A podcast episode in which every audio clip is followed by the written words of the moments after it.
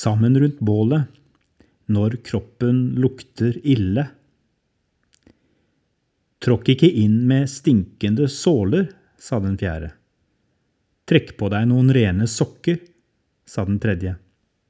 Tryggest å passe sine egne saker, sa den andre. Forstår dere hva jeg har gjort for dere? sa den første. Vred kluten for tolvte gang i det svarte vannet og veiledet. Så vask da hverandres føtter.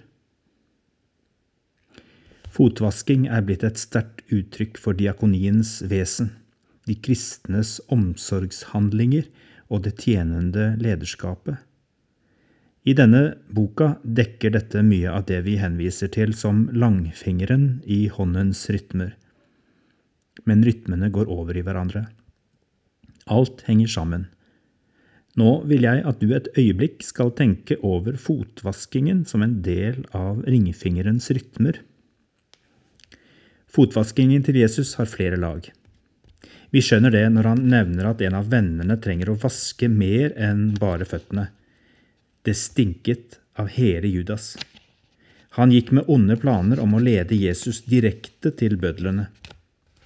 Kanskje sier Jesus at Judas' situasjon ville ha krevd en helt spesiell behandling, og den er ikke Judas selv villig til å ta imot. De andre trengte denne gangen bare å vaske føttene. Vi aner at det Jesus gjorde, handlet om mer enn bare omsorg for disiplenes fysiske velvære. Det er mye i relasjonene våre, som kan lukte. Det begynner i det små, som hverdagens smuss gjerne gjør. Små løgner vokser til å bli for store for henne å håndtere alene.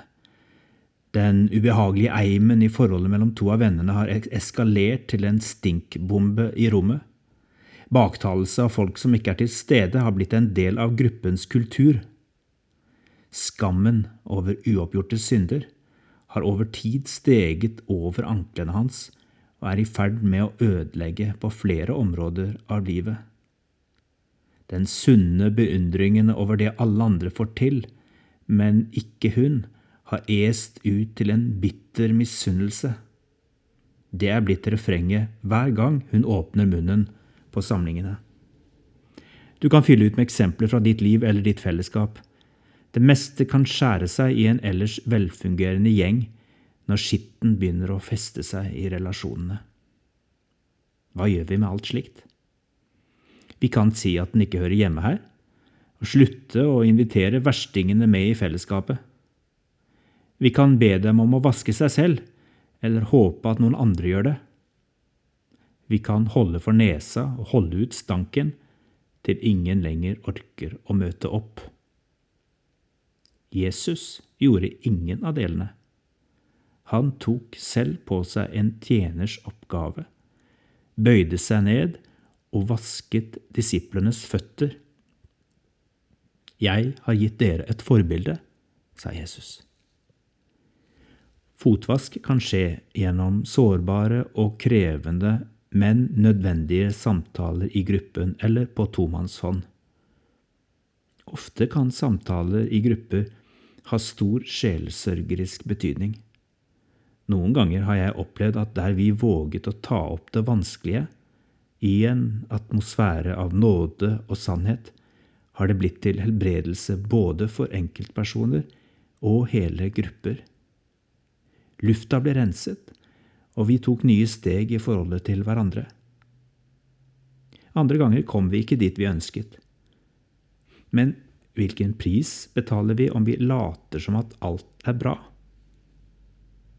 For Peter var det først vanskelig å takle at Jesus skulle gå så tett på.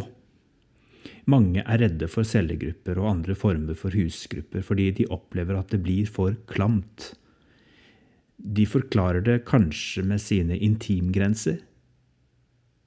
Kan det hende at slike forklaringer lett blir en unnskyldning fordi vi helst ikke ønsker å eksponere våre mindre fromme sider. De sidene har en tendens til å bli ubehagelig synlige når vi kommer nær hverandre. Jeg tror vi trenger de små og nære fellesskapene som kristne. Det var aldri tanken at kristne skulle holde sine søsken på en armlengdes avstand. Det rimer dårlig med det levende bildet Paulus tegner av dette fellesskapet. Ut fra ham blir hele kroppen sammenføyd og holdt sammen av hvert bånd og ledd alt etter den oppgave hver enkelt har fått tilmålt, så kroppen vokser og bygges opp i kjærlighet. Efeserbrevet kapittel 4. Noen holder tilbake kloke av skade, og da skal vi være varsomme. Kanskje har de bitre erfaringer fra møter med enkeltmennesker og grupper. Dessverre er det altfor mange ledere som er blitt vist tillit, men som så har misbrukt den grovt og utnyttet andres sårbarhet. Resultatet ble det vi kaller brente barn. Når vi mennesker misbruker tilliten og innflytelsen på en slik måte, har vi mistet av syne det forbildet mesteren selv ga i den symboltunge fotvaskingen. Jesus brukte aldri sin makt på en invaderende måte. Han tråkket aldri på disiplene. I stedet nærmet han seg dem nedenfra. Varsomt satte han seg på kne og gjorde kjærlighetens grovarbeid ved selv å vaske føttene deres. Det er dette vi er kalt til å gjøre i våre relasjoner, i familien, i husfellesskapet, i menigheten. Vi gjør det ikke i egen kraft, men i Jesu navn og på Hans befaling.